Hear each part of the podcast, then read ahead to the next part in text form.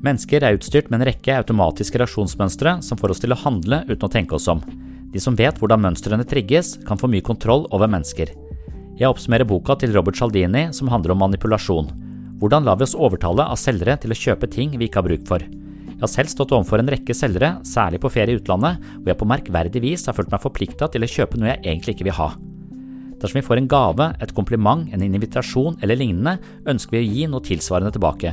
Uansett om det vi får er lite og noe vi ikke vil ha, føler vi oss forplikta til å gi noe tilbake. Selgere vet at dersom de kan få en potensiell kunde til å uttrykke en form for interesse, har de store muligheter til å presse gjennom et salg, rett og slett fordi mennesker liker å fremstå som konsekvente. Vi forbinder stabilitet, besluttsomhet og målbevissthet med integritet. Når vi har bestemt oss for noe, ønsker vi å stå for dette, en tendens som kan utnyttes.